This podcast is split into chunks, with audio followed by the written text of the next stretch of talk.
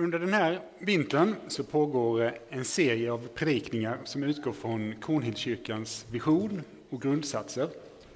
Och idag ska vi titta närmare på grundsatsen tillbedjan och bön. Visionen och grundsatserna de finns bland annat på hemsidan och i det dokumentet så är det ett antal bibelord eh, som hänvisar till respektive grundsats. Och när jag förberedde det här så fastnade jag för ett bibelord från Uppenbarelseboken. Jag är ingen rutinerad predikare, eller predikant, så det här säger inte så mycket, men jag har aldrig tidigare predikat utifrån Uppenbarelseboken. Och ärligt talat så kan jag säga att jag är lite kluven inför den boken. Jag har lite ambivalenta känslor. För det är en bok som innehåller väldigt dramatiska och målande scener över framtiden. Och det är en bok som både kan fascinera och skrämma. Men det är egentligen inte innehållet i boken som jag har haft problem med, utan snarare hur bibelboken ibland används. Ibland upplever jag att en del gör väldigt precisa antaganden om framtiden, trots att Jesus är extremt tydlig med att eh, ingen mer än Fadern känner datumet eller tiden för Jesu återkomst. Ehm, så Därför har jag varit lite skeptisk när man använder Uppenbarelseboken för att förutsäga framtiden eller som en tidtabell där man kan bocka av hur långt vi har kommit i utvecklingen och vad är nästa steg i liksom förödelsen. Ehm, och istället har jag nog snarare tänkt att Uppenbarelseboken snarare är en bok som säger oss någonting om vår nutid och hur vi ska tolka vår samtid som vi lever i. Och det faktum att det är en bibelbok som är skriven till sju specifika församlingar styrker också den tesen att den har ett budskap som är relevant här och nu.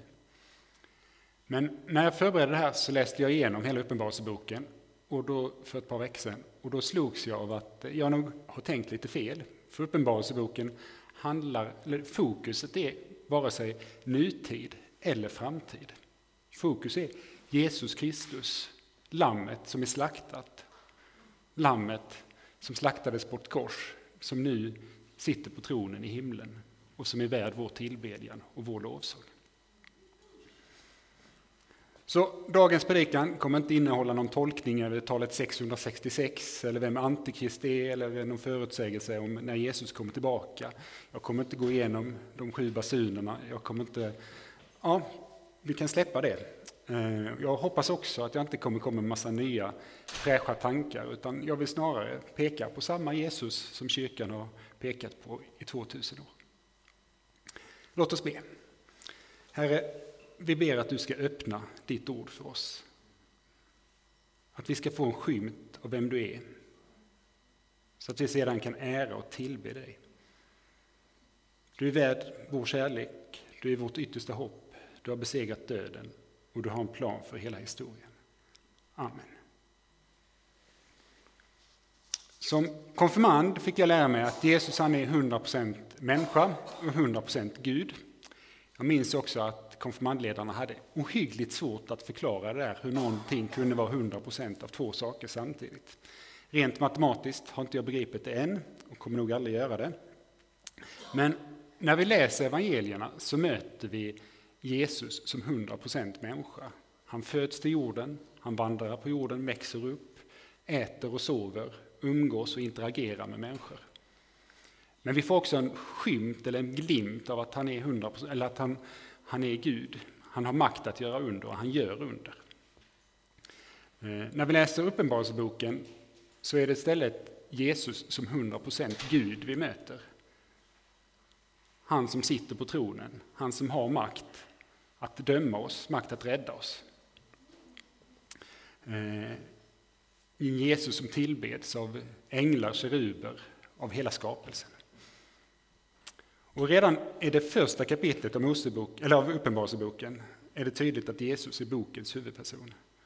Den första versen läser vi att detta är Jesu Kristi uppenbarelse. Det kan förstås på två sätt. Dels handlar det om att det är en uppenbarelse från Jesus Dels är det en uppenbarelse om Jesus. Jesus är både den som uppenbarar och den som uppenbaras. Men vi hoppar fram till vers 4 och 6 i första kapitlet. Från Johannes till de sju församlingarna i Asien. Nåd vare med er och frid från honom som är och som var och som kommer och från de sju andarna framför hans tron och från Jesus Kristus, det trovärdiga vittnet, den förstfödde från de döda och härskaren över jordens kungar. Han som älskar oss och har löst oss från våra synder med sitt blod och gjort oss till ett kungarike, till präster åt sin Gud och far. Hans är äran och makten evighetens evighet. Amen. Ibland kallas Uppenbarelseboken för Johannes uppenbarelse, men här framgår att boken har flera avsändare. Det är inte bara ett budskap från Johannes, utan även ett budskap från Jesus. Redan i den här ingressen får vi en väldigt bra och tydlig presentation om vem Jesus är. Med akademisk precision klargörs att Jesus är ett trovärdigt vittne, han är Guds enfödde son, han har uppstått från de döda, han härskar över jordens kungar, han älskar oss, han har löst oss från våra synder med hjälp av sitt eget offerblod. Och han har gjort oss till kungabarn i sitt rike. Han har gjort oss till präster. Han är Guds son. Han är värd ära och hans är makten, evighetens evighet. Den här beskri ingressen beskriver alltså vem Jesus är. Och om man sen går vidare till vers 7, 8 och 12 till 18 så följer en beskrivning av framtiden. Se, han kommer med molnen och varje öga ska se honom, även det som genomborrade honom och jordens alla stammar ska jämra sig för hans skull. Ja, amen, jag är A och O, säger Herren Gud, han som är, som var och som kommer, den allsmäktige. Jag, alltså Johannes, vände mig om för att se rösten som talade med mig. Och när jag vände mig om såg jag sju ljusstakar av guld och mitt bland ljusstakarna en som liknade en människoson, klädd i en hellång dräkt och med ett bälte av guld runt bröstet. Hans huvud och hår var vitt som vit ull, som snö, och hans ögon var som eldslågor. Hans fötter liknade skinande brons som glöder i smältugnen, och hans röst var som dånet av väldiga vatten. I sin högra hand höll han sju stjärnor, och ur hans mun kom ett skarpt tveeggat svärd. Och hans ansikte var som solen när det skiner i all sin kraft. När jag såg honom föll jag ned som död för hans fötter, men han la sin högra hand på mig och sa, var inte rädd, jag är den första och den siste, och den levande. Jag var död, och se, jag lever i evighetens evighet. Och jag har nycklarna till döden och helvetet. Här är texten laddad med symbolik och liknelser. Han liknade en människoson. Det var vitt som snö, ögon som eldslågor, fötter som liknade skinande brons och en röst som dånar som väldiga vatten och så vidare. Hela Uppenbarelseboken är fylld med symbolik och liknelser. Och till det finns det flera skäl.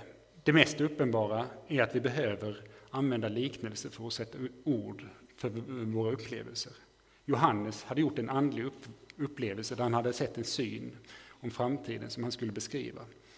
Eh, och man kan nästan ana att hans ord inte räcker till. Han gör så gott han kan och så drar han till med det var som, eller det liknade en, eller lite längre fram, det såg ut att. Det är viktigt att ha det här i bakhuvudet när vi läser Uppenbarelseboken. Därför ska vi nog också vara lite försiktiga med att tolka texten allt för bokstavligt. Ett helt annat skäl till symbolspråket är att eh, boken är skriven i en tradition där man ofta presenterar länder eller härskare som djur, där tal, färger och geografiska platser var beteckningar som användes eh, för att koda olika saker. Exempelvis representerar bruden Jerusalem, Guds boning eller det goda. Det, um, um, av församlingen till exempel. Medan horan Babylon står för allt det onda och ondskans boning. Och det finns många paralleller och anspelningar till Gamla Testamentets texter också när vi läser Uppenbarelseboken.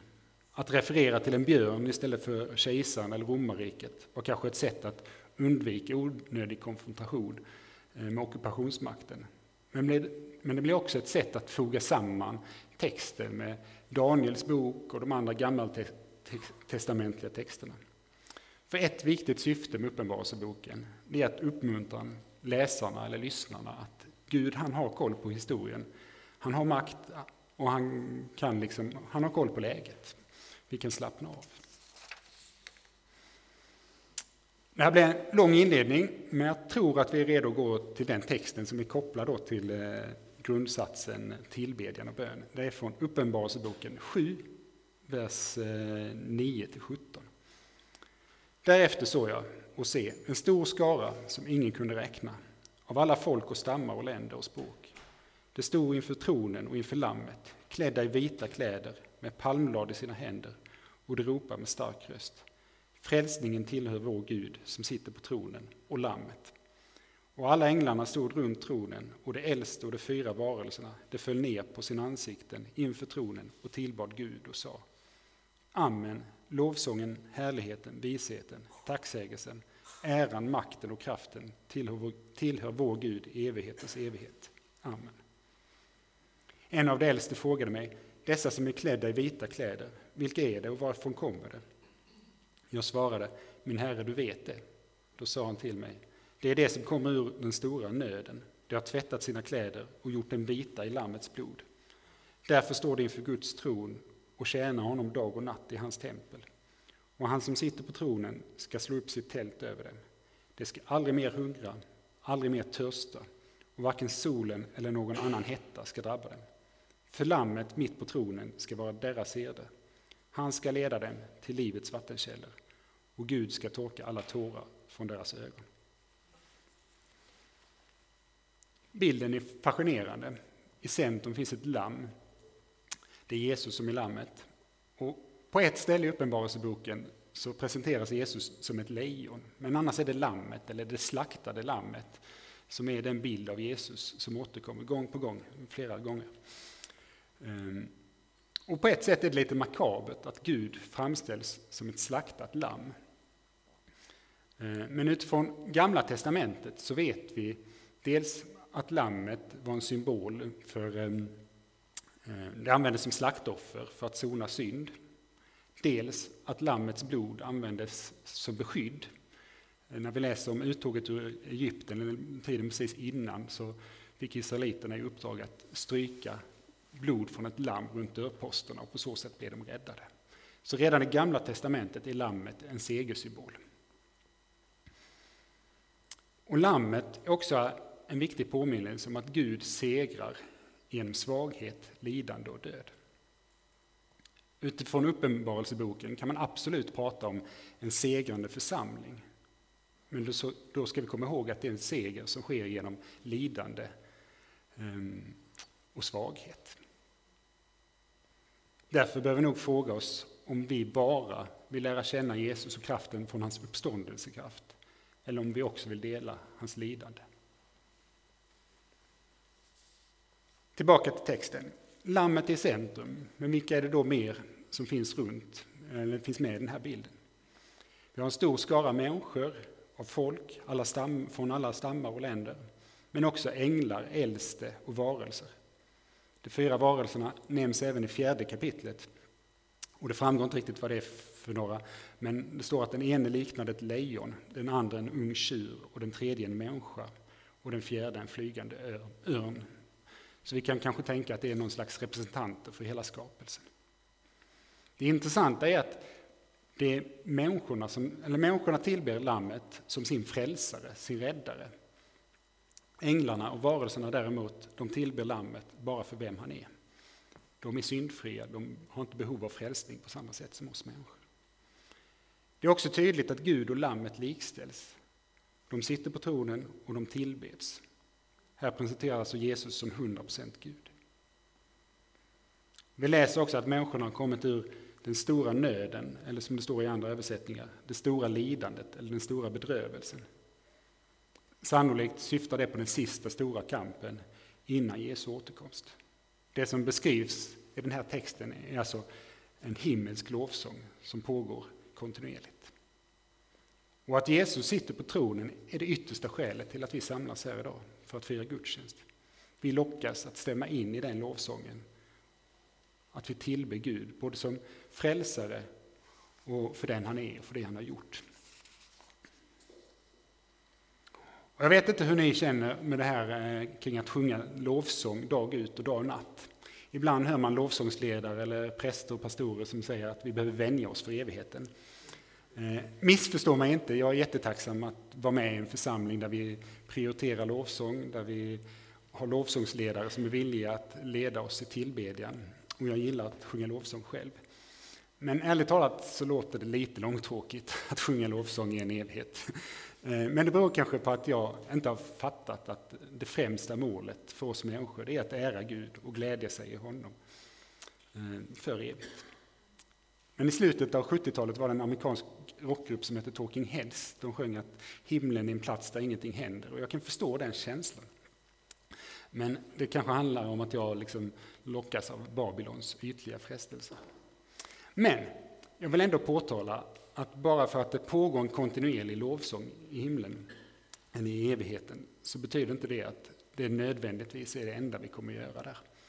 För när vi läser i Mikas bok eller i Jesaja bok så finns det profetier om att folken efter domens dag, då ska de eh, smida om eh, sina svärd till plogar och sina spjut till vingårdsknivar. Det här tyder på att vi ska fortsätta bruka jorden efter, eh, efter Jesu återkomst. Och för mig var det faktiskt en stor lättnad när jag insåg det, att eh, vi kommer nog få liksom jobba lite fysiskt eh, som omväxling. Jag tyckte det kändes skönt.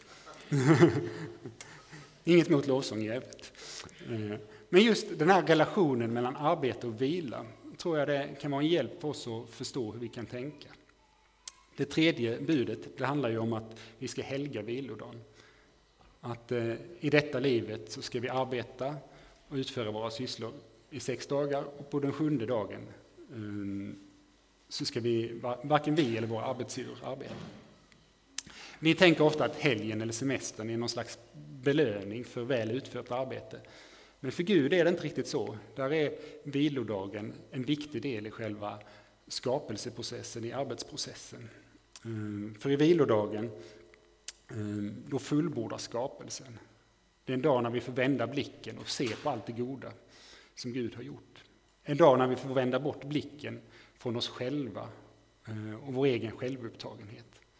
En dag då vi i tacksamhet Eh, får tillbe och lovsjunga Herren som vår skapare och vår frälsare. Givetvis får vi göra det alla andra dagar, men vilodagen har en särställning. Och att helga vilodagen kan nog också vara en nyttig övning för oss. Ofta är vi allt för måna om att eh, vara ungefär som alla andra. Och därför tror jag att det kan vara nyttigt att avskilja söndagen för, för gudstjänst och för, eh, för vila. Och i gudstjänsten får vi också en försmak för, av himlen. De av oss som följer den här bibelläsningsplanen som delades ut eh, vid årsskiftet har precis eh, börjat läsa Andra Mosebok och då läste vi precis om hur Gud mötte Mose i en brinnande buske. Och i det mötet så avslöjar Gud att han ska befria israeliterna från deras slaveri, föra ut dem eh, till frihet. Men också att de ska fira gudstjänst. Och notera gärna när ni fortsätter läsa i Moseböckerna vilken central roll gudstjänsten har. Gudstjänsten var ett sätt att tacka Gud för att han hade räddat eh, folket från eh, eh, slaveri. Men också ett hjälp, en hjälp för folket att hantera den nya friheten och ett tecken på att de var Guds folk. Men vad mer betyder det vi har läst idag? Det absolut viktigaste tror jag det är att det är Jesus som sitter på tronen. Det behöver vi påminna oss gång på gång. För det är så mycket annat som försöker fånga vår uppmärksamhet och försöker styra oss. För somliga är det kanske youtubers eller influencers som är de viktiga liksom, rösterna som styr hur vi ska tänka eller vad vi ska ha för kläder på oss. För andra är det marknaden och ekonomin som är den viktiga ledstjärnan. Eh, men Bibeln varnar oss för att Ehm, både tillbe människor och ideologier. Ytterst är det inte marknaden, eller politiken eller andra människor som styr, utan det är Jesus som sitter på tronen. Det är han som har all makt.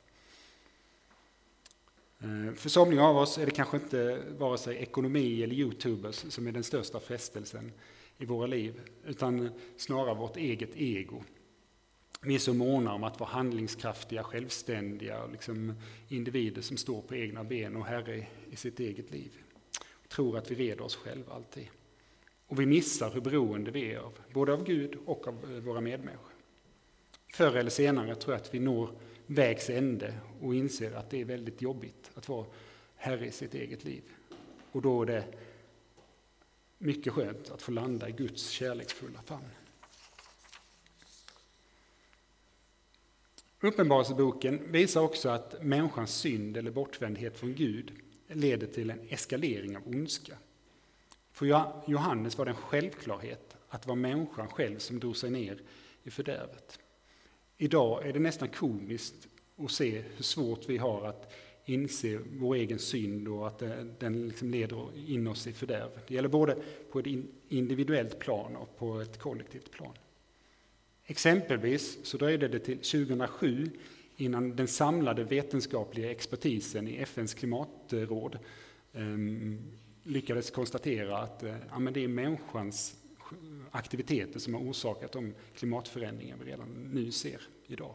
Det här kan jämföras med profeten Jeremia som för 2600 eller 2700 år, år sedan någonstans påtalade att det är människans ondska som håller vårregnet tillbaka. Det finns ingen konflikt mellan vetenskap och gudstro, men ibland så släpar vetenskapen efter lite grann. Och på tal om klimatförändringar så kan vi också nämna att många av de här sigillen och basunerna och skålarna som nämns i Uppenbarelseboken innefattar olika naturkatastrofer. Flera av dessa fenomen kan vi redan skönja idag och här är vetenskapen och Uppenbarelseboken inne på, helt, på samma linje helt och hållet. Mer är att vänta. Det betyder inte att vi ska ge upp och resignera, utan tvärtom, vårt uppdrag att vårda och förvalta skapelsen gäller fortfarande. Däremot måste vi påminna oss om Guds löften. I Romarbrevet 8.21 står det att skapelsen ska befrias från sitt slaveri under förgängelsen. Och tidigare läste vi att vi aldrig mer ska hungra och aldrig mer törsta och varken solen eller någon annan, någon annan hetta ska drabba oss. Vi behöver påminna oss om att eh, Gud ska göra allting nytt. Att allt som är trasigt ska upprättas och helas. En del av oss nutidsmänniskor har så fullt upp av dagens bekymmer eller dagens glädjeämne att vi tappar evighetsperspektivet. Och då finns det en risk att tron bara blir ett verktyg för hur vi ska hantera vår vardag eller hur vi ska få det lite bättre här och nu. Andra personer upplever att allting är becksvart att, att vardagen är becksvart och att allt går åt fel håll. Då behöver man påminna sig om att Herren ska komma tillbaka och att ondskan ska utplånas en gång för alltid. Men vi alla måste också påminna oss om att Gud kan verka redan idag. Att han vill möta oss och bära oss igenom det jobbiga. Hur mörkt den verkar och hur hopplöst den ser ut och hur sent vi känner att eh, vi är ute Eh, så är det inte för sent för Jesus. Därför vill jag avsluta med ett viktigt budskap från Uppenbarelseboken. Det är från kapitel 14, vers 6 och 7, som utspelar sig efter att Jesus har kommit tillbaka, men precis innan domen. Då dyker en ängel upp med ett evangelium, alltså ett glädjebudskap. Och där står, han hade ett evigt evangelium att förkunna för jordens invånare, för alla folk och stammar och språk och länder. Och han sa med stark röst, vörda Gud och ge honom äran. Stunden för hans dom har kommit. Tillbe honom som har gjort himmel och jorden, havet och vattenkällorna. Detta är en sen inbjudan till omvändelse, en inbjudan till alla folk och stammar att stämma in i lovsången. Det är inte för sent. Vi kan fortfarande vända om. Vi kan vända oss till tronen där det slaktade lammet sitter ge, stämma in i lovsången och ge honom äran för vem han är och för vad han har gjort. Han som är vår skapare och vår frälsare. Låt oss be. Herre, du är den ende som är värd vår lovsång och vår tillbedjan. Tack för att du vill föra ut oss ur slaveri. Ut ur slaveri från andras åsikter eller andras krav ut ur slaveri från vår egen prestationsångest och perfektionism.